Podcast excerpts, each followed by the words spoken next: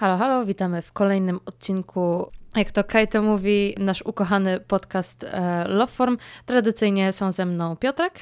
Cześć. Kajetan. Heja. I oczywiście ja, Ania.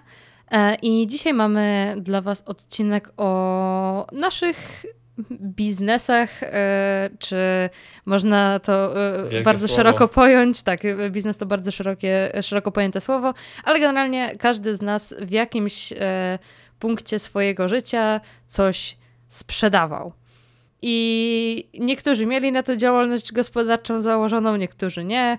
Różnie to bywało, ale myślę, że warto e, zacząć sobie tutaj od definicji e, słowa biznes, ponieważ nawet nie wiedziałam, z czego ono się e, wywodzi i dosłownie tylko szybki search w Google poszedł i pierwszy wynik, który mi wychodzi, no to mówi e, o tym, że jest to termin wy- wywodzący się z języka angielskiego, oznacz- oznaczający szeroko pojętną, pojętą działalność gospodarczą, E, No i w Polsce został, jakby zaczął być używany bardzo powszechnie w latach 90. i już po upadku komunizmu, ale nie wiem, czy wiedzieliście, że samo to słowo wywodzi się e, od słowa busy, czyli zajęty lub aktywny. Adekwatne. E, czyli biznes to takie zajęcie, które przynosi profit.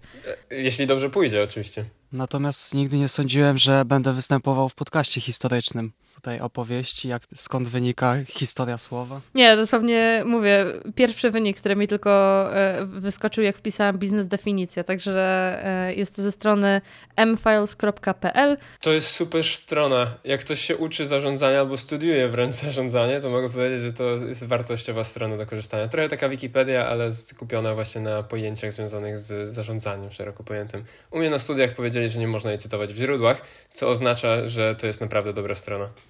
To znaczy, że faktycznie taka mocno wikipediowa. Dokładnie.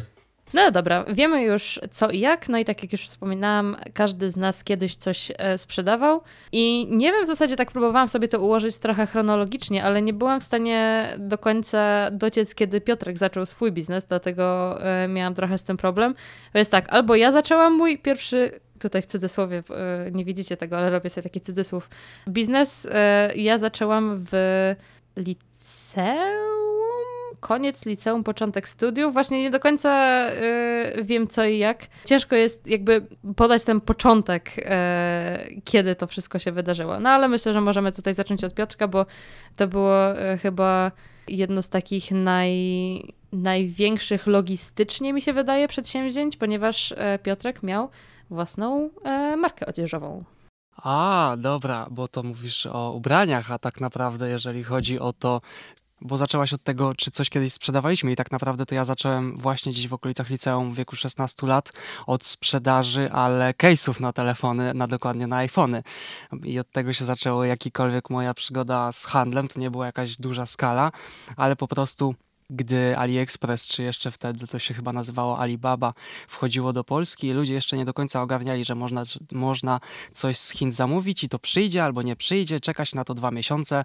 No i ja wtedy za, zaryzykowałem i kupiłem tam za parę złotych jakieś etui, po czym okazało się, że jest na takie etui zainteresowanie w Polsce, bo właśnie ktoś tam by jakiś chciał, ten model albo ten, ale nie ma w Polsce dostępny na Allegro, też jeszcze tego nie było zbyt dużo, więc zdarzyło mi się kilka takich sztuk zamówić, żeby przehandlować, ale to taka bardziej ciekawostkowa, bo to nie było jakieś, chociaż otarło się to już pierwszy raz wtedy w liceum o założenie jednoosobowej działalności, ale finalnie zrezygnowałem z tego biznesu i przeszedłem właśnie do tego, e, o który ci chodziło, czyli o produkcję ubrań. I teraz nie wiem dokładnie, jak dokładnie e, miałbym to opowiedzieć, bo nie wiem w jakim stopniu też wy, żeby tego nie rozciągnąć za bardzo, to w takim w miarę skrócie zaczęło się od tego, że kiedyś była moda, chyba dalej jest, ale w innych kręgach, ja już się wokół nich nie kręcę, było coś takiego popula- popularnego jak streetwear i było od tego grupki na Facebooku. Znaczy tak, mówię, dalej są, ale ja już tu nie siedzę.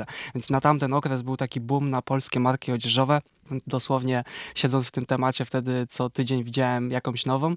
No ale nie podobało mi się po pierwsze to, że te, które już były, czyli typu Supreme, e, Antisocial Club i tak dalej, polegały na tym, że ludzie kupowali znane logo, dlatego że były promowane przez równie znanych ludzi i nie było w tym za wiele przekazu jakiegokolwiek, więc pomyślałem, że spróbuję zrobić markę, za którą jakikolwiek przekaz jest w stanie stać. Dlatego pozbierałem sobie, jeżeli chodzi o samo przygotowanie projektu wizualnego, czyli graficznego, to pierwsza był, wyszły dwie takie, można powiedzieć w cudzysłowie, kolekcje. Pierwsza była o mojej wadzie serca, a druga o takich etapach, przez które ludzie przechodzą w życiu, ale Wyglądało to tak, że zacząłem jeździć po kilku szwalniach w Polsce. Wysiedliskiem szwalni na cały kraj jest głównie Łódź, ale tam e, zaproponowali mi bardzo duże ilości minimalne, tak jak tam kiedyś się podśmiechiwałem, że jak widziałem promocję nowej marki odzieżowej, która mówiła, że no to nasz pierwszy drop i małe ilości limitowane, to tak nie do końca chodziło o to, że to były jakieś ilości limitowane, bo ktoś wymyślił niesamowicie oryginalny pomysł i chce, żeby mało osób go nosiło, żeby to było prestiżowe. Po prostu chodziło o to, że nie wiadomo jak się pomysł sprawdzi i po prostu się zamawia jak najmniejsze części, czyli jedna paleta danego koloru e, materiału, więc to były te ilości limitowane, tak naprawdę po prostu minimalne i dogadałem się ze szwalnią w łańcucie, która e, po pierwsze cenowo rozegrała to dość dobrze, ilościowo też bardzo fajnie, nie, nie trzeba tam było od razu setek zamawiać więc byłem bardzo zadowolony z tej współpracy. To też mi pozwoliło trochę pojeździć po Polsce, poznawać e, ludzi, którzy się zajmują produkcją, co też, tak jak teraz są różni, różni youtuberzy, robią tak zwane swoje mercze i widzę, ile to kosztuje i mówią, że no wiecie, bo to są dobre materiały i tyle to powinno kosztować, to nie powinno tyle kosztować. Ja wiem, ile kosztują ceny materiałów, nawet bardzo dobrych, nawet tak dobrych, z których ja nie korzystałem, ale to nie jest tak, że zrobienie bluzy kosztuje 200 zł i ma się na niej marżę sprzedając za 230-30 zł. To kompletnie tak nie wygląda, ale to już mniejsza każdym razie, jak już miałem gotowy projekt, to zacząłem jeździć po Polsce, bo razem z tym, że na grupkach były znane e, takie zabiegi, jak po prostu jakieś tam reklamy, czy właśnie uznanych Instagramerów, to też były organizowane przez niektóre osoby tak zwane targi odzieżowe ogólnopolskie i e, Miałem okazję być dwa razy w Warszawie. Nawet raz miałem okazję pomagać układać e, stoły. To było w domu braci Jabłkowskich. Swoją drogą to właśnie tam Apple kupiło, czy tam wynajęło przestrzenie. W każdym razie miałem okazję tam pojechać dzień wcześniej, żeby sobie zobaczyć, jak wygląda tworzenie takiego, takich targów i też dwa razy okazję się wystawiać. Miałem też okazję pojechać do Katowic albo do Areny Gliwice, coś takiego. W każdym razie tam z kolei na tych targach też poznałem założycieli innych marek osobi e, osobistych, Marka e, innych marek odzieżowych. Tak, ta, tacy też tam byli. W każdym razie byłem z jednej strony zaciekawiony tymi ludźmi, bo zachowywali się tak dość specyficznie. Głównie w Warszawie zauważyłem, bo jak jeździłem po tych różnych miastach innych, bo tam jeszcze w Krakowie były targi, to obserwowałem sobie jacy ludzie po prostu kupują nie od polskich marek stricte, bo tam też byli po prostu resellerzy marek typu Supreme i tak dalej, więc patrzyłem jacy ludzie w Polsce kupują bluzy po półtora, dwa tysiące, tak samo buty z wielokrotnością tej ceny. Zauważyłem, że w każdym innym mieście w Polsce wygląda to tak, że ludzie są zainteresowani tymi wszystkimi innymi markami. W Katowicach wszyscy się pytali o co chodzi, rozmawiali, a w Warszawie to jednak było bardzo mocno nastawienie na te marki premium, można powiedzieć w dość dużym cudzysłowie, wizerunkowo bardziej premium. Z tego co zauważyłem i na te mniejsze, czy to moja, czy innych, yy, dużo mniejsze zainteresowanie, bo przychodziły takie, nie chcę nikogo obrażać, ale takie warszawskie dzieci, które miały, które miały trochę złotych do wydania z kieszonkowego dość dużego. Także tam nie byłem specjalnie zadowolony z targów w Warszawie, mimo że atmosfera sama w sobie była bardzo fajna, też dużo osób. No ale finalnie główna sprzedaż moja się nie opierała na targach tylko przez Facebooka i to nie wiem, czy jest się czym chwalić, czy nie. Gary Vaynerchuk nie byłby ze mnie za bardzo dumny, ale ja nie wydałem w zasadzie nawet grosza na reklamę. Dosłownie miałem dwie współprace, czy coś takiego. Raz dałem y, jednej osobie koszulkę za darmo, żeby wstawiła post na Instagramie. To nie było jakiś wielkie, wielki odzew, bo to też nie była jakaś bardzo znana osoba, ale chciałem spróbować. A druga rzecz to było to była taka promocja postu na grupie jednej z tych e, facebookowych, no i tam już odzew był trochę większy. W każdym razie głównie opierało się to przez dość żmudne, ale w efekcie całkiem dobrze działające komentarze po prostu na Facebooku, gdzie na tych grupkach wyglądało to tak, że kupię bluzę do 200 zł i ogłaszają wszyscy resellerzy, co mają akurat w tej cenie.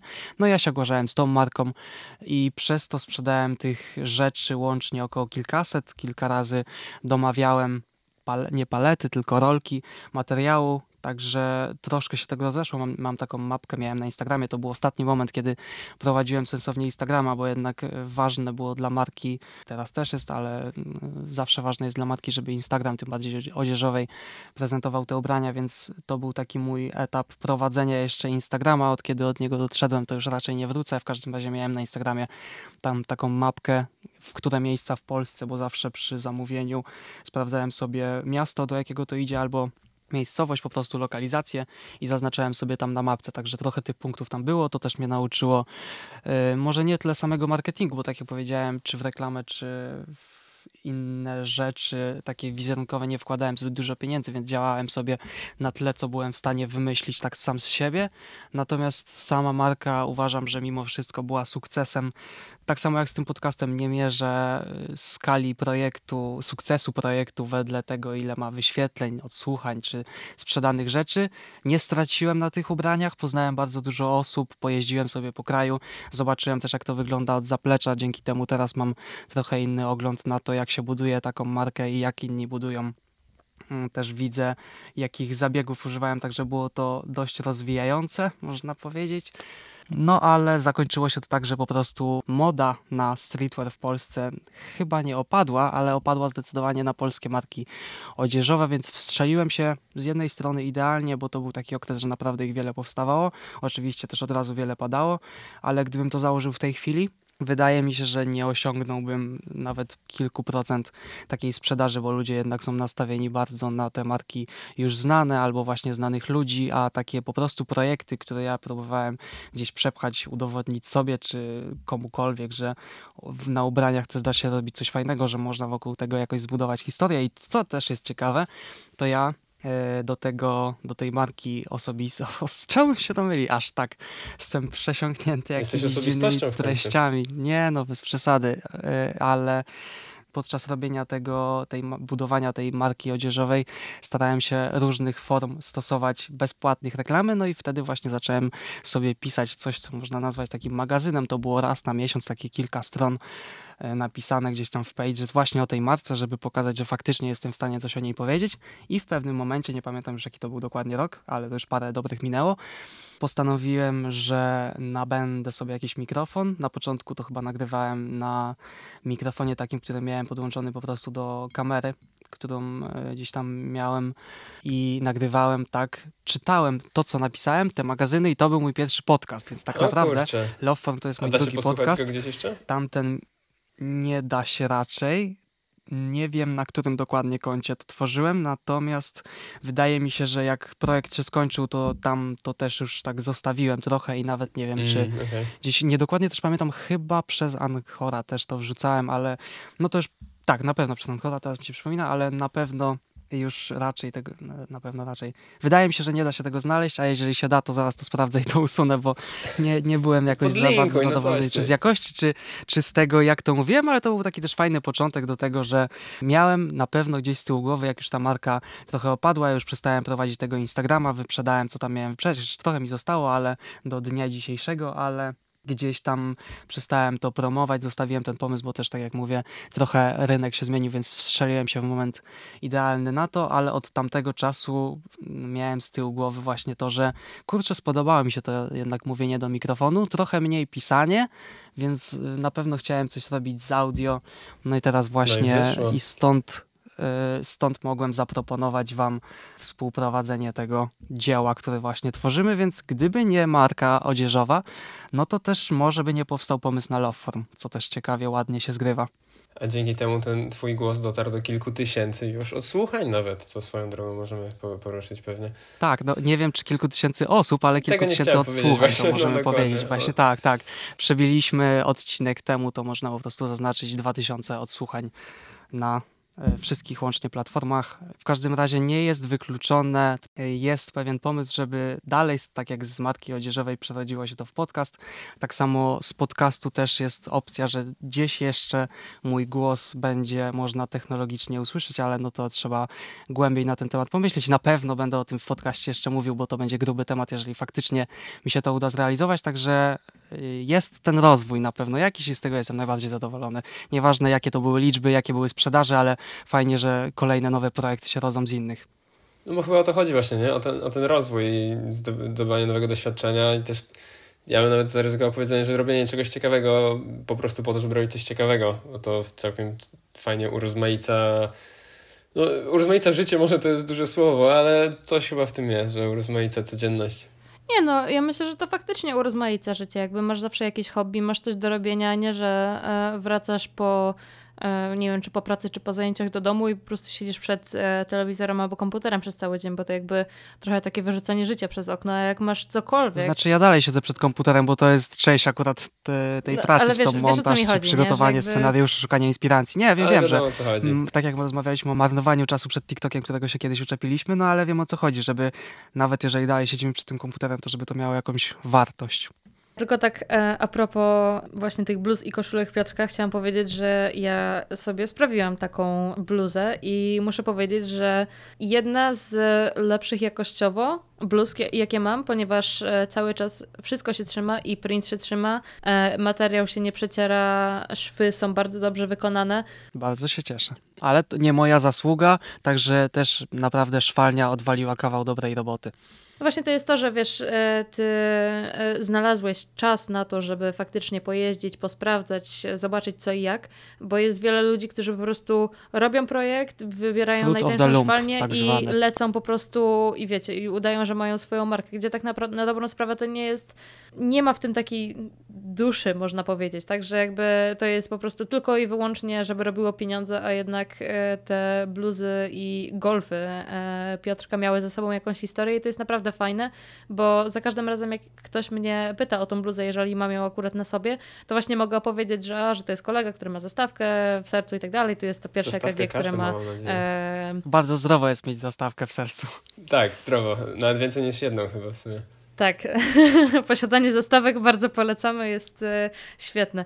E, sztuczna zastawka i to, e, EKG, które jest na ramieniu, to jest pierwsze EKG, które właśnie pokazuje to działanie tej zastawki. Także no jest Diagnozę to, to było? To był właśnie ten defekt, przez co miałem tę operację, bo tam to było to. E, nie chcę używać jakichkolwiek medycznych słów, dlatego nie użyję słowa arytmia, ale w każdym razie to było takie dobicie serca, można to tak określić. No, arytmia to jest bardzo szeroko tym, pojęte. Jest to dość, tak, tak, jest symetryczne są te uderzenia na EKG i tam właśnie było to takie zawirowanie, inaczej tego nie jestem w stanie nazwać. Anomalia. Anomalia. Arytmia? No mhm. ładnie. Arytmia to jest po prostu cokolwiek, co nie jest poprawnym biciem serca, jakby może mieć bardzo dużo, bardzo dużo różnych e, form. No jest to jakiś Także, tam objaw. No. no ale dobra. E... No, najpierw historia, teraz medycyna. Kurczę, rozwijamy się szybko. Się boję, do czego dojdziemy zaraz. Prawnych jakichś kwestii. bardzo szeroko, szeroko pojęty podcast mamy. Miał podcast być około technologiczny, ale robi się historyczno-medyczny, ale dobra. Tak, a skoro o branżach mowa, to mi też zdarzyło się kiedyś coś sprzedawać. Co prawda nie było to na taką skalę jak Piotrek, e, że tutaj była jakby pełnoskalowa produkcja i tak dalej. Było to na wiele mniejszą skalę, ale też był to produkt, e, produkt mocno dla pasjonatów. I były to pudełka do kart do Gwinta. Dla tych z Was, co nie wiedzą, Gwint to jest e, gra w Wiedźminie 3. Taka minigierka, którą można sobie pograć z karczmarzami, e, no i się tam kolekcjonuje karty. Tylko, że e, CD Projekt postanowił zrobić fizyczną wersję tej gry i e, do... Jeżeli dobrze e, pamiętam jeszcze, dodawał te karty do edycji kolekcjonerskich, ale także w Polsce można było e, te karty zdobyć z dodatkami do Wiedźmina, czyli tam z Krew i Wino i Serce z Kamienia. Dlatego polska edycja tych kart jest w ogóle o wiele bardziej powszechna niż angielska, że za angielską wersję kart trzeba naprawdę czasami zapłacić grube pieniądze. Kiedyś sobie sprawdziłam na, e, na eBayu, no to za jedną talię czy za dwie talie trzeba było 200 e, dolarów zapłacić. Także jest to produkt bardzo e, niszowy i bardzo trudny do zdobycia. No i też ludzie nie chcą go sprzedawać, no bo to jest jednak bardzo fajna rzecz i faktycznie można sobie w tą grę pograć normalnie, fizycznie, co też mi właśnie e, się zdarzyło.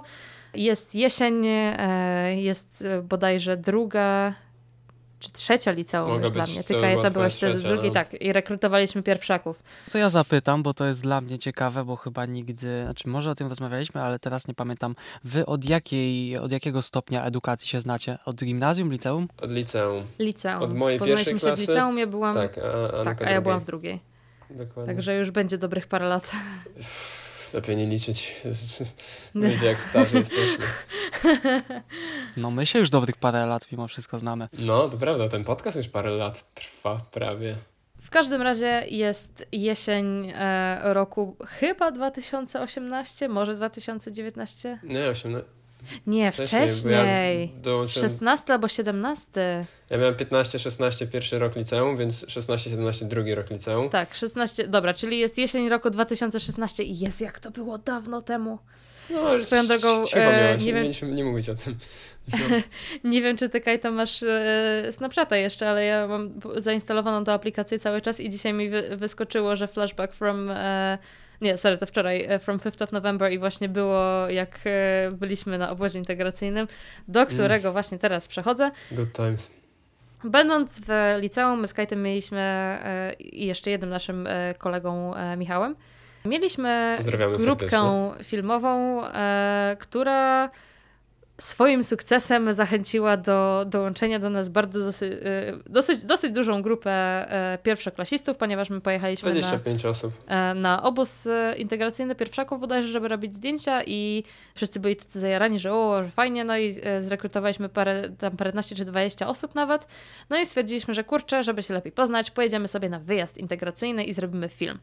No i wybraliśmy się na, e, na weekend na Kaszuby, zrobiliśmy film. A to było organizowane przez szkołę, czy wy wszystko załatwialiście? Nie, my sobie to wszystko ogarnialiśmy, jakby to wszystko było zapłacone z naszej kieszeni, tak i po prostu, żeby się lepiej poznać e, wyjazd, nie? An Anuk była jedynym dorosłym chyba wtedy z naszej grupy. Dobrze pamiętam? Tak, ja już byłam wtedy Prawnym opiekunem. Prawda, tylko byłaś chyba całej grupy nastolatków. No, był Gloska jeszcze w sensie, ale tak to...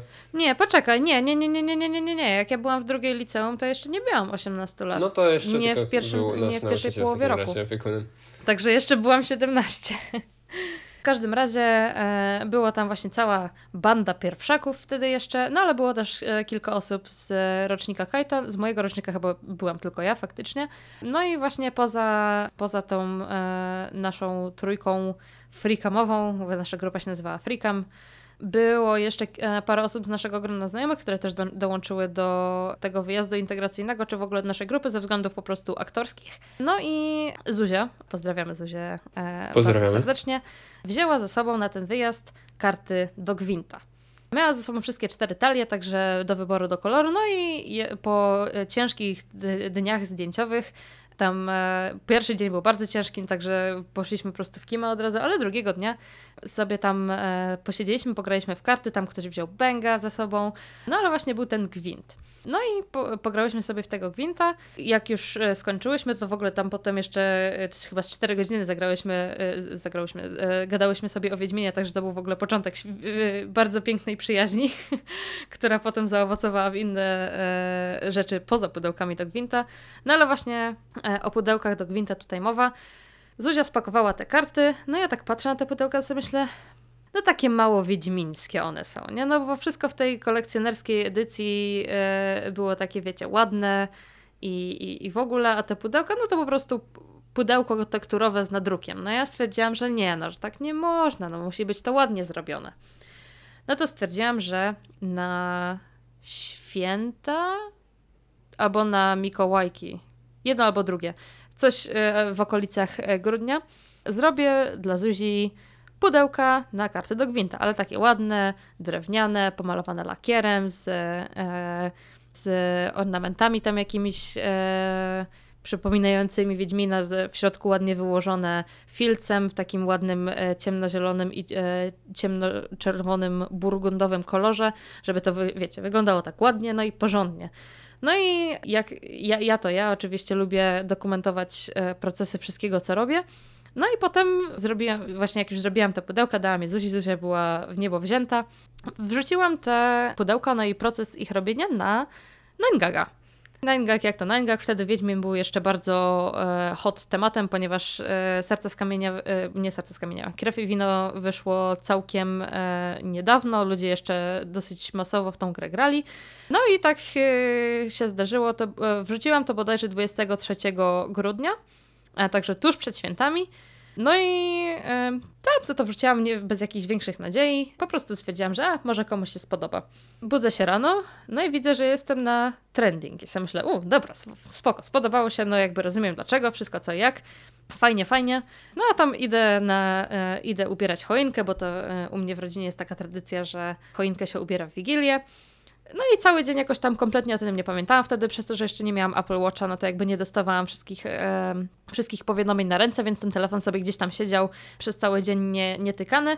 No i wieczorem, jak już przygotowaliśmy cały dom na, e, na tą Wigilię, ja podnoszę telefon i po prostu mam no nie, nie żartując, z 300-400 powiadomień i się zastanawiam, o co chodzi. Ktoś mi wysyła, że że mój post jest e, na karcie hot, czyli już tej głównej, którą się widzi, jak się e, przegląda na Ingaga. No i bardzo dużo ludzi w komentarzach do tego postu mówiło, że wow, że powinnaś to sprzedawać, bo to jest świetne, w ogóle wow, za ile sprzedajesz, za ile sprzedajesz i tak dalej.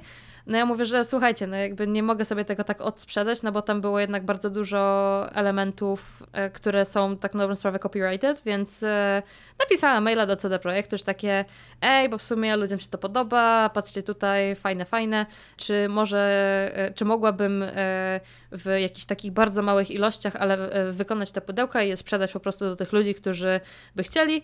Ku mojemu zdziwieniu dostałam odpowiedź pozytywną, CD Projekt powiedział, że a, jak to w małych ilościach, to pewnie. Po jakim czasie? Nie wiem, z dwa tygodnie, coś takiego. Już miałam naprawdę żadne nadzieje, bo myślałam, że to kompletnie oleją, a mi odpisali, że w sumie, w sumie czemu nie? Że fajnie to wygląda, także jedno pudełko też e, spakowałam i im wysłałam e, w ramach, wiecie, podziękowania. No ale właśnie te pudełka zaczęłam sprzedawać, przy czym najpierw zabrałam na nie zamówienia, Potem je wykonałam i potem je rozesłałam do, do ludzi. Także ja im też wysyłałam regularne update'y, że na jakim, e, jaki status jest e, ich zamówienia, w jakim momencie produkcji jestem. E, także byli tacy bardzo involved. Też z każdym zamówieniem wysyłałam im ręcznie napisany list, bo bardzo dużo z nich e, prowadziło też ze mną konwersacje, bo ja tam na, po prostu e, po, poprosiłam, żeby ludzie mi się na maila zgłosili, założyłam osobnego maila na to. No i z bardzo wieloma ludźmi e, prowadziłam po prostu konwersacje i tak się akurat złożyło, że te pudełka były zrobione, jakby to był dosyć długi proces, żeby, żeby je wykonać i tak dalej, no i też żeby w ogóle to zacząć. Także to dopiero gdzieś następ, w następnym roku około świąt właśnie te pudełka były faktycznie gotowe. Także ja zaczęłam rozsyłać do ludzi e, taki, wiecie, prezent świąteczny, który oni sobie sami sprawili, nie? Ale było to jednak coś takiego specjalnego, zwłaszcza jeżeli to było z tym listem, także bardzo miło, muszę powiedzieć, wspominam ten czas. E, nie jest to coś, co bym mogła robić e, na dłuższą metę, ponieważ ja jestem człowiekiem, który nie lubi robić powtarzających się rzeczy. Jakby nie lubię, nie lubię takiej produkcji. Lubię zrobić jakąś e, bardzo taką indywidualną rzecz, na zasadzie, że jest po prostu jedyna na świecie i w ogóle nie ma, nie ma żadnej innej. Także no, robiłam tych pudełek trochę. Tam koniec końców chyba 30-40 pudełek sprzedałam. One też były tam po 50 dolarów za sztukę. Jeżeli były dwa kupowane, no to tam powiedzmy, że 90 za dwie. No, trochę, trochę hajsu mi z tego wpadło, nie ukrywam. E, komputer, na którym teraz nagrywam, no to był zakupiony z tychże pieniędzy, także była to fajna sprawa, żeby sobie, żeby sobie dorobić, ale mówię, na dłuższą metę coś, coś takiego nie jest dla mnie, także dlatego myślę, że to jest jedna z rzeczy, dla których nie mogłabym mieć tak na dobrą sprawę własnego biznesu. To jest za dużo robienia takiej samej rzeczy ciągle. No, to mocno zależy. Jak na studiach mnie nauczyli, to zależy. Wszystko zależy. Właśnie te pudełka też mnie tak trochę pchnęły, bo e, Zuzia znowu e, miała swoje 18 urodziny bardzo blisko e, 10, jakby dziesiątych urodzin Wiedźmina, więc e, też zrobiłam jej cały bestiariusz. To już wtedy byłam chyba na pierwszym roku studiów, albo szłam właśnie na pierwszy rok studiów. I też ludzie po prostu mówili, że o, że powinnam to sprzedawać, tylko że kurczę, zrobienie tam tych pudełek około 15-17 godzin. Zrobienie tego besteriusza zajęło mi 160 godzin, więc to było takie już trochę mniej do, do zrobienia. No ale jakbym się uparła, miałam wszystko zeskanowane, miałam zeskanowane e, e, te mm, rysunki potworów i tak dalej. E, jedno co to, to bym musiała po prostu na angielski przetłumaczyć i jeszcze raz wszystko napisać i jakby zeskanować to. Coś w tym mogłoby być, ale jednak też e, przez to, że to był taki dosyć mocno osobisty prezent, no bo jednak e, właśnie tak mocniej się poznałyśmy z Zuzią dzięki Wiedźminowi, no to nie chciałam już z tego za bardzo robić też e, kolejnego takiego biznesu. Pomimo tego, żebym mogła, pewnie ludzie by to kupowali za jakieś chore pieniądze, bo wiadomo, że pasjonaci za takie unikatowe rzeczy to naprawdę są gotowi bardzo grube pieniądze zapłacić. Także jeżeli ktoś chce, chce zarobić jakieś takie większe pieniądze i też sobie przy tym przy okazji po prostu fajnie popracować e, nad czymś kreatywnym, to myślę, że uderzenie właśnie w takie pasjonackie rzeczy i po prostu wrzucenie gdzieś ich na Etsy czy coś, to jest całkiem spoko opcja. Ale to też ta osoba musi się sama tym interesować. To prawda, tak. Robienie czegoś, e, na czym kompletnie się nie znam, też nie jest, e, myślę, długoterminową, długoterminowo dobrą rzeczą. A to była wysyłka za granicę, bo mówisz 9gag? Tak, e, do Polski nie miałam żadnych zamówień. Ja wysyłałam e, głównie do Stanów, było kilka paczek do Francji, do Japonii była jedna, do Indii była jedna. Indyjscy fani Wiedźmina. Na Bliski Wschód jedna poszła, do e, Arabii Saudyjskiej, ale poza tym, no głównie, głównie Stany były. Śmiesznie randomowe trochę te lokalizacje.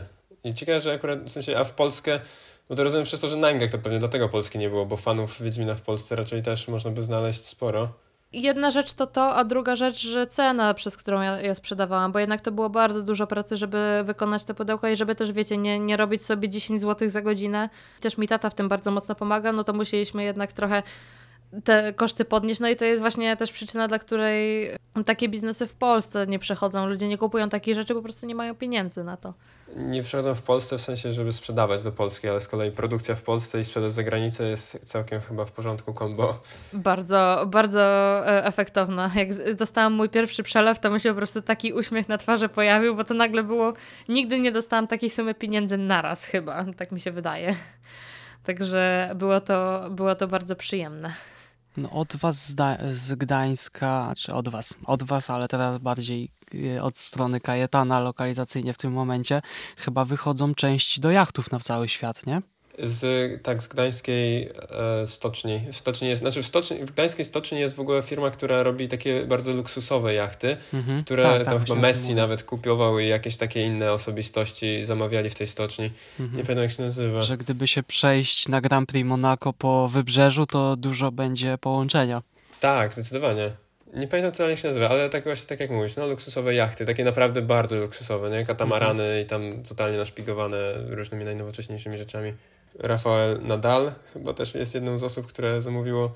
Teraz jak wygooglowałem i widzę, że stocznia nazywa się Sunreef Yachts. Well, yachts, no.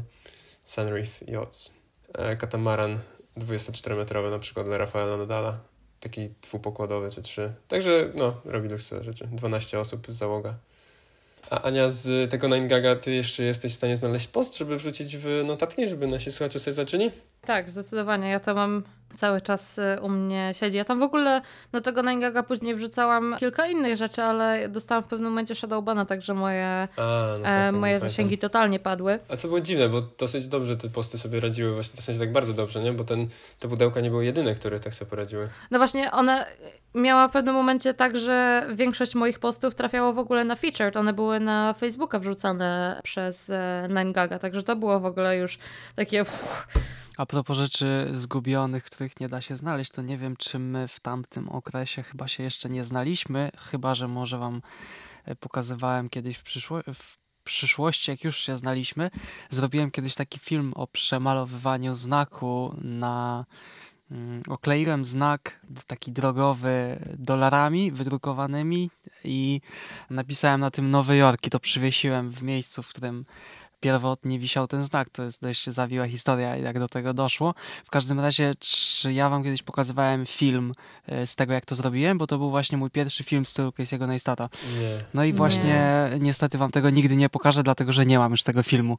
I to jest taka porażka moja wielka, dlatego że dzięki temu filmowi teoretycznie dostałem się na filmówkę, bo to było jedyne, co miałem wtedy do pokazania, że, że oni mają. Że to zrobiłem. Nie, dlatego że ja, że ja wysyłałem im maile i pamiętam, że na rekrutacyjnej rozmowie oni przy mnie otwierali tego maila i raczej nie zapisywali tego na dysk, tylko tak chcieli zerknąć. Poza tym to był film do prywatnego YouTube'a, bo ja wtedy też miałem taki okres, mhm. że próbowałem zostać YouTuberem i blokowałem się na ten kanał już kilkukrotnie, myśląc, że jednak gdzieś jest w prywatnych czy coś, ale ten film ani na moich dyskach, ani na backupach, ani na YouTube już nie istnieje niestety. Ale to oznacza, że teraz jak tylko my o nim myślimy, to mamy przed oczami taki turbo high quality i najlepszy na świecie film. I mamy mega wysoko, wiesz, image. Znaczy zdjęcia z tego, jak to wyglądało są, poza tym ja ten znak mam w pokoju, więc efekt okay. finalny, no mam potwierdzenie, że, że coś świetne. takiego kiedyś powstało, ale właśnie szkoda, że, że samego filmu, pamiętam, że bardzo długo na montażne, uczyłem się w ogóle montażu, czyli tego, y, czym się zawodowo zajmuję, to na tym filmie właśnie uczyłem się premiera, no ale szkoda, że tego pierwszego nigdy już raczej nie znajdę, bo przegrzebałem wszystkie dyski, a też nie byłem nigdy backupowym gościem, gdzie wszędzie miałbym to pochowane. Także no ale taki relikt przeszłości, tylko mam fizyczny. To też zostały po nim tylko wspomnienia. To i tak, no właśnie, we wspomnieniach jest tak na pewno idealizowany trochę, więc może, może przyjemnie tylko o nim myśleć. Zresztą na pewno był świetny, to nie wątpię. No dobra, to w takim razie chyba po temacie gwinta i fizycznych, e, rzemieślniczych, w sumie chyba nawet można powiedzieć, rzeczy, wracamy trochę do tego, o czym mówił Piotrek, bo jeśli chodzi o moje doświadczenie z takimi różnymi projektami, które miałem okazję realizować, to bardzo blisko jest tego, o czym Piotrek opowiadał kilkadziesiąt minut temu, czyli o sprzedawaniu ubrań i dodatkowo to jest jedno połączenie, a drugie połączenie jest nawet z tymi case'ami, o których mówiłeś, że sprzedawałeś case'y do iPhone'ów na no w liceum wtedy jeszcze. U mnie historia nie miała, się, nie miała miejsca w liceum, bo dopiero na studiach, kiedy to, a konkretnie pierwszy projekt nawet ruszył 30 października 2019. Ja jestem z taką, że lubię zapisywać takie daty i potem sobie patrzeć, kiedy co się działo, jak długo trwało i w ogóle. To z takich rzeczy ja tylko wtrącę sekundkę, bo to jest jedyne takie, taka moja fajna pamiątka. Do dnia dzisiejszego mam na iCloudzie notatkę, gdzie kiedyś usiadłem wieczorem, dobra, jak się może nazywać marka? Wypisałem sobie najpierw marki już istniejące, potem jakieś losowe, fajnie brzmiące słowa, potem na jakichś stronach z synonimami, po prostu szukałem, uczyłem się słówek nowych Aha. i do dzisiaj mam notatkę właśnie z dnia Aż teraz zerknę. 12 luty 2016, 19.58 mam na kapslokiem zapisaną nazwę mojej firmy na kilka miesięcy przed powstaniem. To jest taka fajna pamiątka, że gdzieś tam się ten pomysł wkluł. To teraz nie możesz nigdy przypadkiem zedytować tej notatki. Tak, tak, właśnie. Stracisz ja, ja tak miałem jakąś notatkę, który, albo Google Docsa w sumie, który teraz szukałem i tam była ostatnia edycja 3 lata temu, tego i tego dnia. I nawet nie wiem, jakim cudem ona mi pokazuje. Ostatnia zmiana przed chwilą. Jak no, well. Wystarczy spację zrobić, wiesz co? Wystarczy kliknąć na obszar roboczy. A, no może. Właśnie, nie wiem, wydawało się, że Nie wiem, nie kliknę teraz. Ale nie, nie, nie, to było w Google Docsie, więc też trochę inaczej. No ale niemniej skończyło się na tym, że zmieniła data się. E, wracając, tego właśnie dnia, 30 października 2019, ruszył pierwszy projekt, który łączył te dwie rzeczy, o których Piotrek przed chwilą mówił, czyli ubrania, a z kolei z tych etui element, który był spójny, wspólny z tym, to a, kupowanie rzeczy na AliExpressie bo to również tak jak ty zaczynałeś to w liceum, no to wtedy jeszcze w Polsce to może nie doszło aż tak mocno, natomiast AliExpress dalej sobie dobrze istniał w 2019 roku, istnieje dalej, jeśli dobrze mi się wydaje.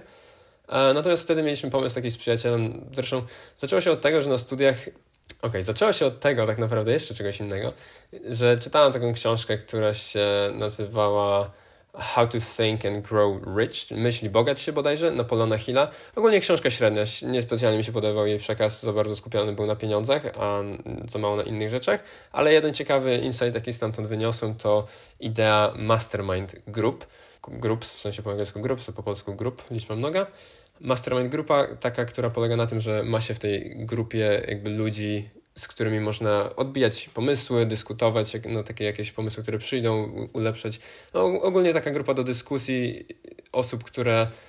Znaczy inaczej, tu można spojrzeć z dwóch perspektyw. Napoleon Hill podawał przykład, kiedy on, on, on miał taką wymyśloną grupę mastermind, w której zasiadał, nie wiem, tam Churchill, Napoleon, Bonaparte i parę innych osobistości i kiedy miał w życiu jakiś problem, wymyśl, zastanawiał się, że gdyby siedział przy stole z tymi osobami jakie, jaką perspektywę te osoby by miały na ten problem. I w ten sposób próbował sobie znaleźć trochę jakąś radę, czy właśnie rozwiązanie i po prostu sposób tego pójścia naprzód. Mega ciekawa sprawa, polecam może zobaczyć, jeśli to Was interesuje, jeśli nie, no to też spoko. Więc to jest jedno podejście takie wymyślone, natomiast też drugie podejście jest takie, żeby mieć fizycznie faktycznie no, grupę ludzi, którzy są najchętniej z różnych jeszcze, z, z różnymi tłami, nie wiem, to się tak nazywa, backgrounds, i z perspektywami trochę myślenia, z różnych nie wiem, branż na przykład powiedzmy, z różnym doświadczeniem, ekspertyzą i tak dalej, i żeby być w stanie w takim gronie na przykład dyskutować na różne rzeczy, typu jak jest jakiś problem, czy jak jest jakaś, jakiś pomysł i co można z nim dalej zrobić. I bardzo mi się podobała ta idea i kiedy byłem na studiach, kiedy tą książkę przeczytałem, bodajże na pierwszym roku, 19 to może tak było, to skontaktowałem się z kilkoma osobami z mojego otoczenia, które były gdzieś tam na tych studiach i w takim, w takim bliższym gronie. I sobie taką grupkę jakby próbowałem założyć. Nie do końca wyszła próba założenia, niestety, bo jakoś tam timing był taki, że jakieś wakacje czy coś i ludzie się nie kontaktowali ze sobą. Niemniej, idea była taka, żeby tak sobie pogadać i poszliśmy na piwo tą grupą w ramach integracji, bo nie każdy się z każdym znał. I na tej integracji właśnie wyszedł, w sumie niewiele z tego wyszło oprócz spoko piwa, to wyszedł tylko właśnie ten jeden pomysł, który zaczął u mnie historię z moim własnym projektem, bo z wtedy takim znajomym, a teraz już przyjacielem bardzo dobrym wyszło właśnie, że w sumie jest coś takiego jak dropshipping i są różne o, o, o tym opinie, a zarówno moralne, jak i inne. Natomiast był coś takiego jak dropshipping, my byliśmy, dropshipping, my byliśmy młodzi, głodni sukcesu i głodni doświadczenia i studia nie zajmowały nam tyle czasu, ile by. No, tyle, zajmowało tyle, ile chcieliśmy, czyli niewiele. I dawało to czas na realizację jeszcze innego projektu, więc stwierdziliśmy, dobra, zrobimy sobie sklep oparty na zasadzie dropshippingu. Czym jest dropshipping, można się zastanowić? To jest taka metoda sprzedaży produktów, gdzie jeśli w moim sklepie, który ja mam online, w sklepie online, bo to musi być online tylko i wyłącznie, jeśli osoba kupi w moim sklepie jakiś produkt, to ja w tym momencie kontaktuję się z producentem tego produktu i ten producent wysyła ten produkt bezpośrednio do mojego klienta, czyli ja de facto tego produktu nigdy nie widzę, nie mam w rękach. Jeśli, no, sam sobie też mogę zamówić oczywiście, ale chodzi mi, że jak idzie do klienta, to nie przechodzi przeze mnie. I to nam się spodobało, bo są zalety tego modelu no, przede wszystkim takie, że jest bardzo mała bariera wejścia, bo nie trzeba kupować produktu przed, dopiero w momencie zamówienia wychodzi potrzeba zamówienia tego produktu.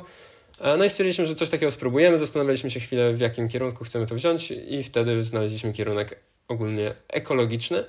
Znaleźliśmy na AliExpressie kilka koszulek, właściwie od jednego producenta, które nam do tego pasowało. Zamówiliśmy je najpierw do siebie, czekaliśmy oczywiście z miesiąc pewnie. Zobaczyliśmy, jaką są jakości. No nie były niesamowite, bo to były koszulki z Chin, ale uznaliśmy, że dobra, są w miarę ok. I tak, żeby coś zrobić, to, to wystarczy, żeby coś spróbować. I to były koszulki z nadrukiem takim There is no planet B, czyli nie ma planety B, z rysunkiem z jakimś niedźwiadkiem, drzewkiem, górką, jakieś takie natura. I no właśnie, i takie koszulki zaczęliśmy, zrobiliśmy sklep internetowy do tego na platformie Shopify i właśnie tego 30 października 2019 ten sklep ruszył. Przy czym to jest zupełnie inne podejście niż to, o czym Piotrek mówił, bo Piotrek mówił, że nie wydał praktycznie złotówki na taki klasyczny marketing w znaczeniu płacenia za reklamy wyświetlane ludziom na Facebooku na przykład, a raczej wszystko robił organicznie w komentarzach. To z kolei to, co myśmy robili, to było tylko i wyłącznie płatne zdobywanie osób na stronę i płatne zdobywanie sprzedaży. Po polsku jakoś to dziwnie trochę brzmi. E, natomiast wyświetlaliśmy po prostu reklamy na Facebooku i na Instagramie, bo to chyba już wtedy było połączone, tak jestem prawie pewien. I z tych reklam ludzie szli na naszą stronę, patrzyli na stronę, jak im się podobał produkt, to kupowali produkt i wtedy myśmy go zamawiali i wysyłali. Oprócz tego sadziliśmy drzewka za, każdą produ- za każdy jeszcze sprzedany produkt. Czy ludzie wiedzieli, że będą czekali tyle, ile czekają? Jeśli weszli w shipping e, policy, to tak. Okej. Okay. Totalnie mieliśmy to napisane, ale nie było to na stronie produktu napisane. Na stronie produktu nie było nic napisane o tym, ile trwa dostawa. Natomiast jeśli się weszło w zakładkę no, informacja o dostawie, właśnie tam nie wiem, polityka dostaw, jakkolwiek to się nazywa, no to tam mieliśmy to napisane, że jakby zamawiamy z. Oczywiście ładnymi słowami to było opisane, a nie tak jak teraz powiem, że zamawiamy z Chin i przesyłka idzie od, nie wiem, od 10 do 50 dni czy jakoś tak, no to ubraliśmy trochę ładniej, natomiast wiedzieli, jeśli to sprawdzili. E, natomiast e, ten projekt sobie chwilę pożył i nie rozwinął się jakąś gigantyczną skalę. Działaliśmy właśnie od tego października, chyba do grudnia tak naprawdę. Próbowaliśmy coś tam sprzedawać, tak w grudniu jeszcze były sprzedaże. I łącznie wyszło tam 27 bodajże sprzedaży, więc no, no nie za dużo każda koszulka, tam jak teraz patrzę na arkusz kalkulacyjny z tego okresu, to widzę, że tak około jedno zamówienie było na jakieś 100 zł po przeliczeniu, bo to oczywiście nie było na rynek polski. Mieliśmy klientów z różnych krajów. Mieliśmy Grecję, to pamiętam, że była taka jedna Greczynka, chyba Katerina się nazywała, która była naszym pierwszym klientem i bardzo się cieszyliśmy, kiedy dostaliśmy pierwsze powiadomienie o pierwszej sprzedaży. To jest uczucie, dla którego warto było pracować kilkadziesiąt godzin. Tak, to ja tak samo mam. Jak ja postawiłem stronę, bo ja właśnie wysyłałem głównie przez e, dogadywanie się na Facebooku, czyli z komentarzy Mhm. szliśmy na wiadomości i tam już dogadywaliśmy sprzedaż, ale jak w pewnym momencie postawiłem stronę tak po prostu, żeby było, jak już miałem to wszystko porejestrowane, że mogę założyć stronę z taką pełną sprzedażą, to pamiętam właśnie jak byłem w Krakowie, przychodzi mi na Jadę sobie tramwajem, nawet pamiętam na jakiej ulicy, bo to się naprawdę pamięta. A, Coś no takiego? Ja pamiętam, I dostaję powiadomienie. totalnie Tak. Tak, że jakieś nowe zamówienia. Jakie nowe zamówienie? I Przypomniałem sobie dopiero, że mam stronę i że to jest tak zaprogramowane, że mi przychodzą te informacje, gdzie to mam wysłać. Naprawdę ładny moment. No, to pier- taki pierwszy swój raz się pamięta zdecydowanie. Potem jak już jest, nie wiem, piąty, no to pewnie... Ja nie pamiętam drugiego nawet w sumie z tego. No ja Ale też nie. pierwszy w stu procentach. Tak, tak, pierwszy się pamięta. No, także, także to jest to. No i właśnie było to zamówienie. 11 listopada wydaje mi się, że było, bo to mam screenshot z tym zamówieniem i to była taka bardzo ładna data. 11 listopada. I więc no, prawie dwa tygodnie od startu sklepu w sumie. Natomiast myśmy też, to był pierwszy nasz projekt, więc totalnie się uczyliśmy ze wszystkim. I skończyło się na tym, że do końca roku ten projekt tam zamknęliśmy. W sumie nic wielkiego z tego nie wyszło, no bo tak jak mówię, tam 27 bodajże zamówień, e, jakieś chyba 2,5 tysiąca złotych razem przychodów. Dużo więcej wydaliśmy na reklamy i na produkty, więc to był nieopłacalny projekt pod względem pieniędzy, ale pod względem czasu było super. Doświadczenia super było. I też Shopify, y, jeszcze raz na jakiej platformie to było? To było na platformie Shopify, dokładnie tak. Okej, i z tego co kojarzę, bo ja stawiając tę stronę y, moją też sprawdzałem różnych dostawców, z tego co kojarzę, to to zawsze było dość drogie. E, Wiesz co, no tak, jak teraz patrzę na nasze arkusze, to w trakcie tych, tej naszej działalności na Shopify w, przez 3 miesiące wydaliśmy 492 zł i 15 groszy, ale to jest zliczając Shopify, samą subskrypcję do Shopify, jak i subskrypcję aplikacji na Shopify, bo są aplikacje, które dodają różną funkcjonalność i razem nam to wyszło 492 zł, widzę, za te 3 miesiące. To nie wlicza hostingu strony. No w każdym razie ja rocznie wydawałem na utrzymanie mojej 250 rocznie, więc to takie różnice. No, no, tak. A na czym robiłeś? E, Oj kurczę, ciężko będzie. Może mi się później przypomni, pomyślę chwilę, ale teraz ci nie odpowiem. Okej, nieważne. Jest dużo możliwości ogólnie. E, No, także ten projekt się zakończył do końca tego roku i potem się zaczął rok 2020, gdzie y, coś ważnego chyba się podobno wydarzyło jakoś tak w marcu, kwietniu mm, i zaczęliśmy siedzieć w domu, więc było jeszcze więcej czasu i próbowaliśmy jakieś dwa projekty w tym czasie, też takie na zasadzie dropshippingu uruchomić, ale nie zaszło za bardzo nigdzie, bo jakoś tak rzucaliśmy, jakoś nie, nie mieliśmy dobrego podejścia, jakoś czasu brakowało zawsze i z tym był problem. Natomiast potem przyszedł październik, znowuż 30 październik, nawet dokładnie co do roku od startu sklepu do nowego pomysłu, minął rok. 30 październik 2020 przyszedł i w tym momencie to był dzień, który, w który zacząłem się jakoś tak jakoś tak źle czuć po raz pierwszy i tak myślałem, kurczę, mieliśmy dzisiaj się dzwonić, żeby przedyskutować nowe pomysły na, na projekt, na sklep, ale coś się źle czuję, może odwołam? Nie, dobra, nie odwołam, niech będzie, pogadajmy sobie. I tego 30 października zaczęliśmy sobie rozmawiać, ja się zacząłem źle czuć i dwa, dwa dni później miałem test pozytywny na COVID, a natomiast y, to się działo w tle, podczas gdy głównym fokusie moim było właśnie to, że 30 października zdecydowaliśmy się pójść na nowy trend, który w tym momencie był bardzo popularny jeszcze. To był gra Among Us, o której pewnie ktoś słyszał tutaj, albo większość osób. U mnie co czwartek e, cały team software'owy nadal gra w Among Us, przy czym teraz się przesiadają na Among Us VR, także jeszcze cały czas żyje. O, miło widzieć. To, to fajna sprawa. No i stwierdziliśmy, że okej, to jest popularne, to jest coś takiego jak trend hopping, czyli właśnie robienie sklepu na robienie sklepu na produkty, które są w danym momencie popularne na podstawie tych trendów yy, właśnie no, co jest popularne, czyli chociażby taka gra wideo, którą w tym momencie dużo ludzi w to grało i się rozmawiało o tym. Stwierdziliśmy, że dobra, spróbujemy swoich sił tutaj i tego 30 października mieliśmy pierwsze spotkanie, a 5 dni później mieliśmy pierwszą sprzedaż, więc tutaj już udało nam się znacznie skrócić proces ideiza, ide, ideacji, ideizacji, jakoś tak to się nazywa, od fazy wytworzenia idei do fazy zaimplementowania i skończenia wszystkiego. Również na Shopify i za to już mieliśmy dużo więcej się nauczyliśmy, więc wiedzieliśmy jak to ustawiać wszystko szybciej i lepiej. E, Również na zasadzie płatnych reklam, a nie organicznego ruchu w ogóle. I no i tutaj żeśmy zaczęli działać już od tego, po tych pięciu dniach pierwsza sprzedaż weszła i potem następnego dnia kolejne dwie, następnego dnia kolejne cztery i to się tak zaczęło całkiem ładnie rozkręcać. Do tego stopnia, że w sumie suma summarum przez okres działalności tego, sklepa, tego, tego sklepu E, mieliśmy lekko ponad 1000 zamówień, więc w sumie tego się troszkę złożyło, co oznaczało z kolei, że to wymusza na nas konieczność założenia działalności gospodarczej, bo przekroczyliśmy próg e, nierejestrowanej działalności, który wynosi połowę stawki minimalnej, w sensie próg przychodu wynoszącego połowę, e, połowę płacy minimalnej. To nie jest porada finansowa. To nie, tak, jest, tak dokładnie. Nie bierzcie od nas tutaj porad, ale mniej więcej tak jakoś to się u nas zadziało. Założyliśmy tą działalność gospodarczą, spółkę cywilną, bo było nas dwójka, więc dwie spółki, e, dwie działalności gospodarcze, jedna spółka. To też nie jest porada finansowa, ani legalna, bo tak jak mówimy, jesteśmy wielobranżowi, ale, ale, ale nie, nie bierzcie z nas przykładu. Ale jak chcecie jakąś poradę, no nie, to nie od nas, to nie od nas. Także zrobiliśmy to, sklep podziałał i tak jak to sprzedawaliśmy przez listopad i grudzień de facto i do końca roku już ten, ten sklep i firmę naszą zakończyliśmy. To było tak dosyć dobrze rozmyślane, żeby e, zmieścić się jeszcze w tym samym roku, żeby nie od, od, otwierać nowego roku i nie mieć zobowiązań podatkowych też za styczeń, tylko za grudzień i za listopad, a zakończyliśmy działalność dlatego, że po pierwsze przy okresie świątecznym i przedświątecznym reklamy na Facebooku były dużo, dużo droższe, bo dużo więcej no, po prostu sprzedawców zaczęło się reklamować, więc Facebook podbijał, no idzie popyt w górę, to idzie też cena w górę. Takie, takich rzeczy nas na studiach też uczyli i po prostu przestawało nam się to opłacać. Więc to był jeden powód, a drugi powód był taki, jak wiele osób mogło się spodziewać. Dostaliśmy w pewnym momencie maila o, o treści, że e, dzień dobry, tutaj prawnik firmy e, Among Us, producentów gry Among Us. A tutaj są linki, które wykorzystują nasz wizerunek, które nie mają Państwo praw, żeby tego korzystać. Prosimy o zakończenie działalności. Dziękuję, pozdrawiam serdecznie. A to i tak to był miły mail, a nie od razu jakieś straszenie.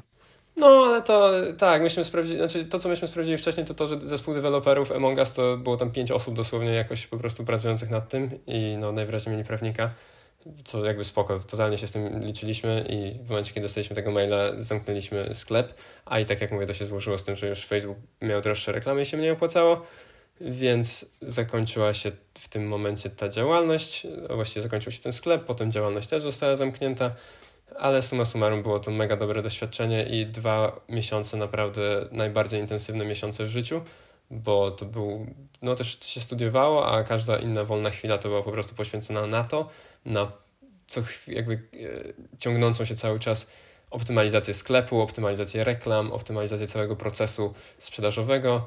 Po prostu no, tego, tego jest sporo, jak się takie rzeczy robi i jest w co włożyć ręce, ale dużo się nauczyliśmy z tego.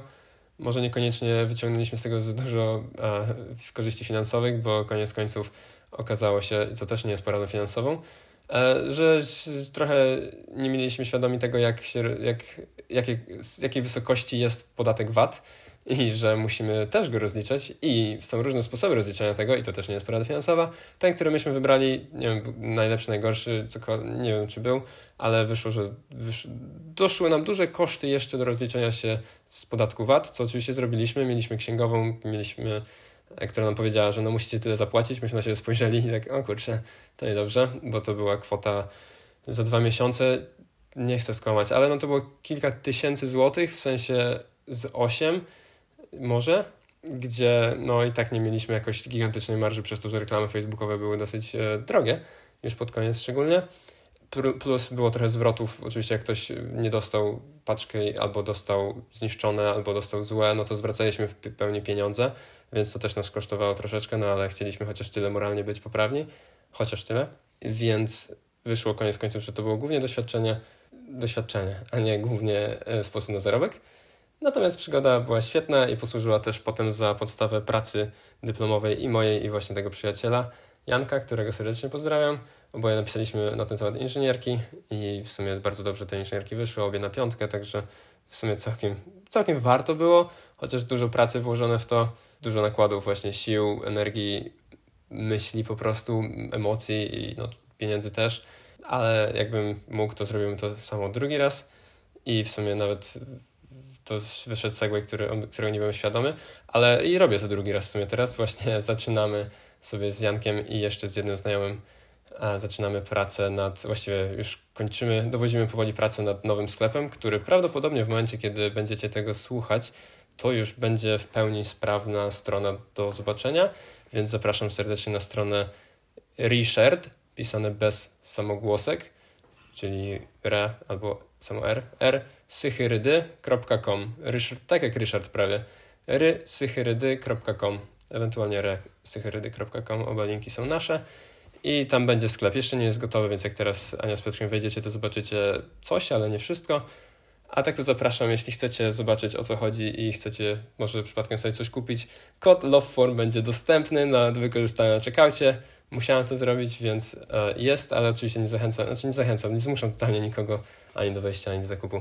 Ale idea jest trochę inna i nie robimy dropshipping, znaczy robimy dropshipping, ale z Polski. Dogadujemy się teraz z polskim producentem i to jest też ciekawe, myślę, do opowiedzenia, bo no, znowu rozmawiamy o prowadzeniu własnych projektów i biznesów, jeśli tak chcemy to nazywać. Jeszcze to biznesem nie jest, ale projektem owszem znaleźliśmy polskiego producenta, nie powiem Ci gdzie Piotrek, czy w tej swojej szwalni co Twoja, bo myśmy szukali tego inaczej niż Ty, tak jak Ty jeździłeś po szwalniach, no to myśmy teraz mieli, dosłownie dzisiaj rano wróciłem z, kilku tygo, z kilkudniowego, no siedzieliśmy na domku po prostu znajomego i te parę dni po pracy codziennie ryliśmy w to, w ten projekt wkładaliśmy nasz czas i wczoraj w sobotę cały dzień i jeden kolega się tym zajmował po prostu znalezieniem producenta i znalazł go przy pomocy internetu bardziej niż przy pomocy jeżdżenia, przez co nie zobaczymy co prawda jakości, no ale jakby czytamy z czego jest zrobiona, z czego jest zrobiony i bluza, koszulka i wszystko. I Aha, bo też do końca nie wiedziałem, mówimy o materiale bo też nie wiedziałem, czego jakoś testujesz, okej. Okay. No jakoś tak, no jakość materiału, w sensie z bawełny, żeby były te bluzy i żeby było w porządku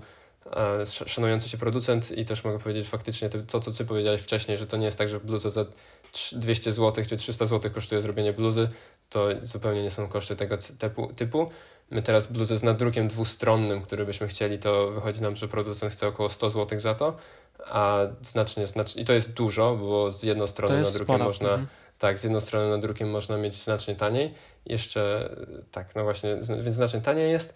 I będziemy sprzedawać takie bluzy z ideą tego, że na każdym ubraniu będzie kod QR, indywidualny dla danego ubrania i chcemy, żeby te ubrania były okazją do jakby pokazania i ekspresji samego siebie, osoby noszącej to ubranie, bo sama może wybrać, do czego ten kod będzie linkował. Może to być Rickroll, może to być jej Facebook, Instagram, może to być link do jakiejś akcji charytatywnej, do czegokolwiek ta osoba chce.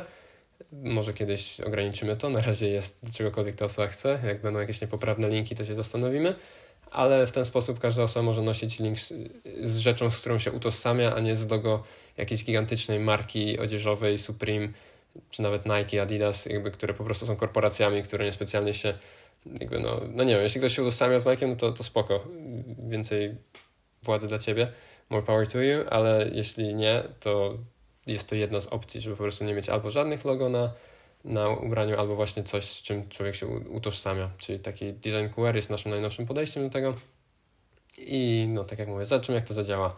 Planujemy ruszać dosłownie w tym tygodniu, który teraz będzie.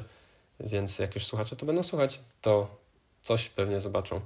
Lekcje z tego projektu dostępne na podcaście Love Forum za parę miesięcy pewnie. Podsumowania i lekcje. Ja tylko chciałem jeszcze powiedzieć a propos Dokładnie. tego, co mówiłeś o zbieraniu y, ludzi, że ja to robiłem organicznie przez komentarze, a jest też opcja, pewnie jest jeszcze wiele, wiele więcej, ale jest też opcja po prostu przez reklamę. Tego, dlaczego ja nie robiłem tego przez reklamę, to było też taka część, że chciałem sam też sobie udowodnić, czy ten projekt naprawdę bez reklamy uznanych osób, którzy są w stanie sprzedać wszystko, cokolwiek zareklamują, czy jest w stanie się rozejść, a po drugie, Spodobało mi się od samego początku, jak tylko zacząłem, że i do końca, nawet jak sprzedawałem przez stronę, to jestem w stanie powiedzieć, że na nie wiem dokładnie ile paczek poszło w Polskę, ale z 90% klientów, z każdym z nich rozmawiałem osobiście, czy dobierając e, rozmiar, czy jakkolwiek pytając się, jak na mnie trafili, jeżeli przez stronę. I więc fajny był też ten etap, kiedy poznawałem każdego w Polsce, mhm. kto nosi tę bluzę. Że gdybym spotkał kogoś, co się raz tylko chyba zdarzyło, no, że spotkałem gdzieś kogoś w tej bluzie. A to też super. Tak, y, to w każ- nie, nie znałem z twarzy, ale byłem pewny, nie zagadywałem, ale byłbym pewny, że na pewno pamiętałem osobę, z którą rozmawiałem, więc to w takim zbieraniu e, klientów jest bardzo przyjemne później z perspektywy. No wiadomo, że jak są to tego bardzo duże ilości, no to już tak nie działa, ale na tę moją skalę to była też bardzo, bardzo fajny element tego, że znałem każdego. No i tu masz taki projekt, który jakby jest mega mocno połączony w sumie z tobą, nie? bo jakby prezentuje tą diagnozę badania więc to jest dosłownie no, bardziej związane z tobą chyba by nie mogło być, więc super, że ten kontakt jeszcze też miałeś.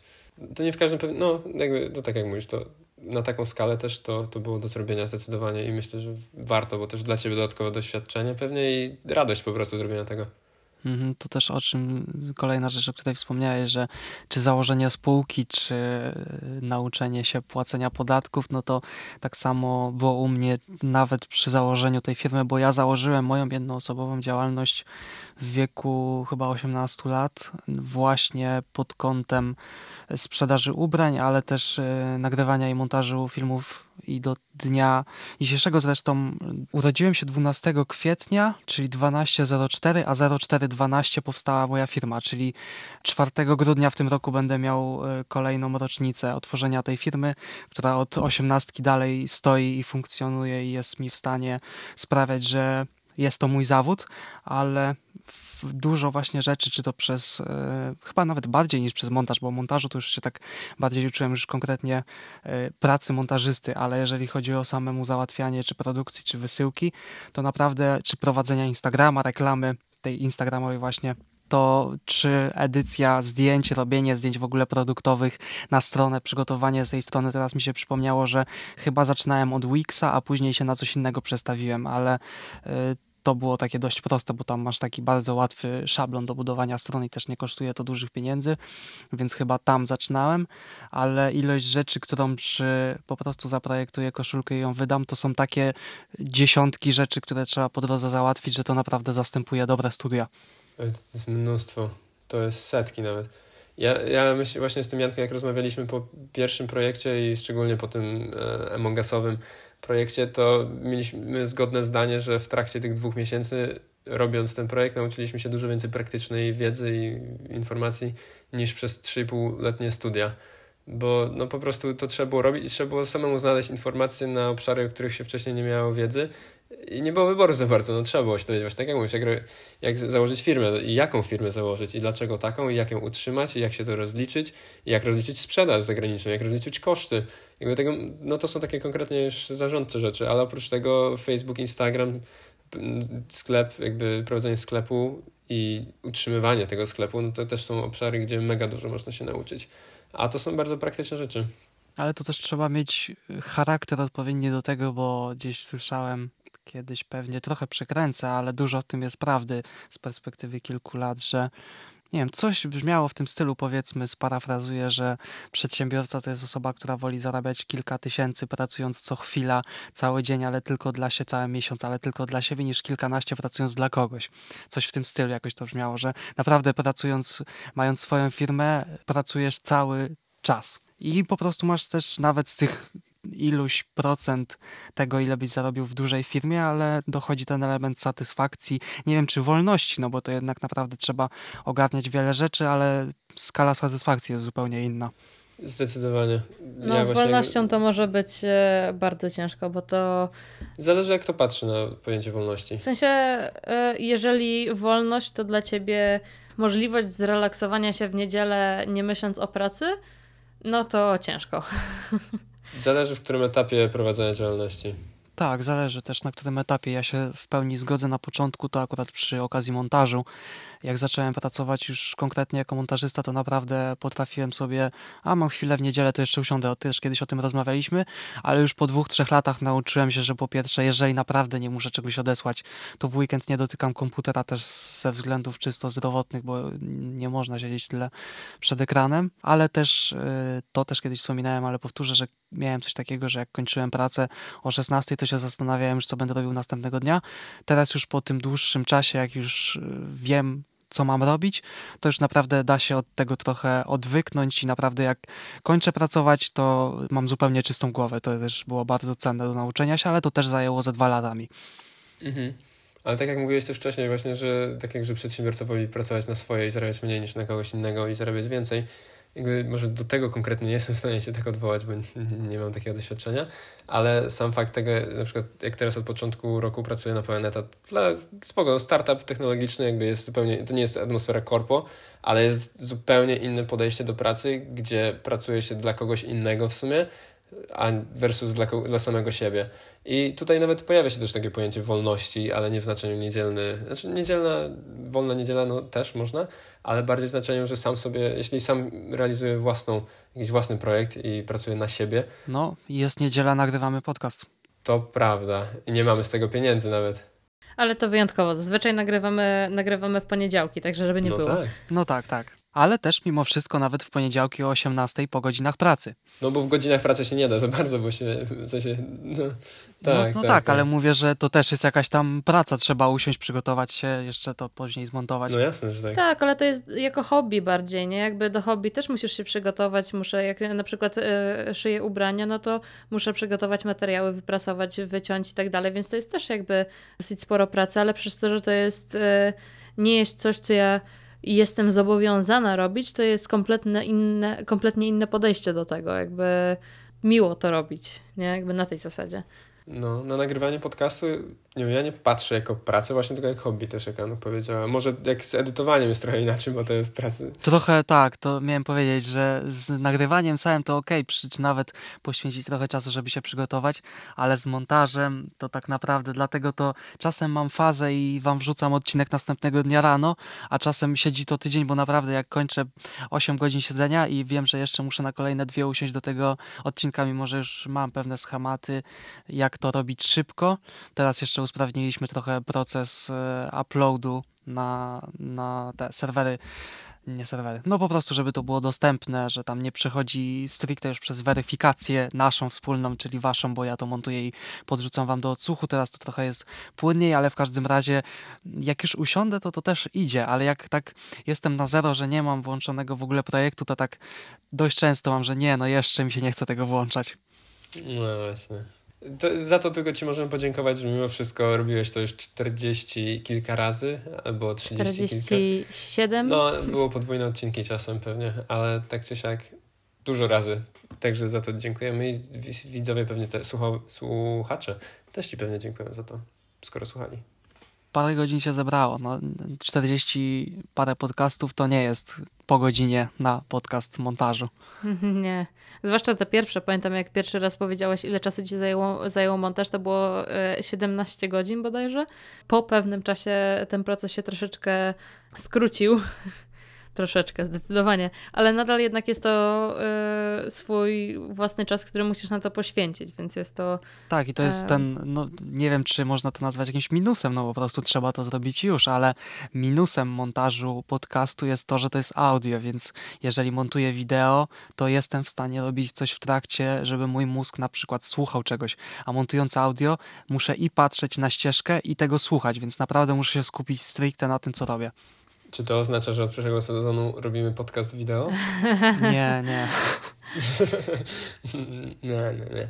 Z wideo właśnie będę, coraz bardziej mnie ciągnie do wideo, to tylko tak powiem, ale jest jeszcze parę takich rzeczy, które muszę dogadać. Jeżeli coś się uda, to na pewno będę tutaj w podcaście, tak jak mówiłem na początku, likował, ale w każdym razie kolejnym, myślę, etapem, takim nawet marzeniem, można by było powiedzieć, jest na pewno nie kończenie tego podcastu, ale rozwój dalszy jakiejś drogi technologicznego kogokolwiek recenzenta.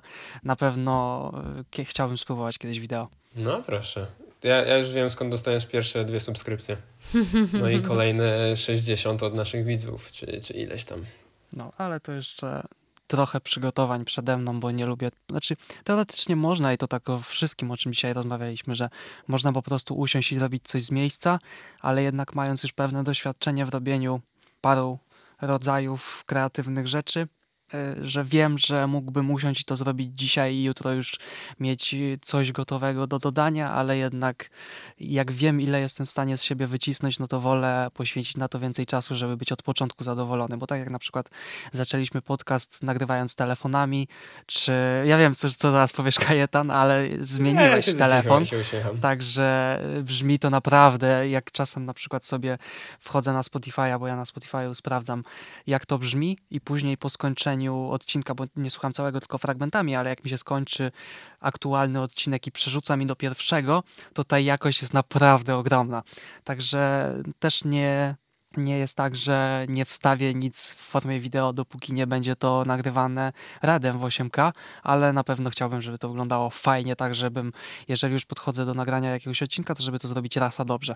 Także jeszcze trochę to potrwa, ale to będziemy jeszcze gadać nie raz pewnie o tym. Poza tym mamy też e, w planach e, zaproszenie, tutaj oficjalnie go przycisnę, bo ostatnio nie miał trochę czasu, ale mamy tutaj z moim kolegą Sebastianem e, zaplanowany odcinek właśnie też trochę o tworzeniu, o nowych pomysłach, więc też jeszcze do tego tematu jakoś tam wrócimy. Teraz rozmawialiśmy o tym, co robiliśmy, czy tak jak w przypadku Kajetana, co robi teraz, a jeszcze będziemy rozmawiali o tym, co chcielibyśmy robić w przyszłości. U, dobry temat. To może być też ciekawe w sumie na pewno dla nas ciekawe. Jestem ciekaw na ile dla słuchaczy w sumie, ale na pewno będzie ciekawe dla nas. A za dzisiaj już e, chyba będziemy powoli e, dziękować, bo też nie chcemy, żeby, te, żeby każdy odcinek podcastu wychodził po półtorej godziny, bo to jak się na to spojrzy, to już nie, nie wie człowiek, czy kliknąć, czy nie.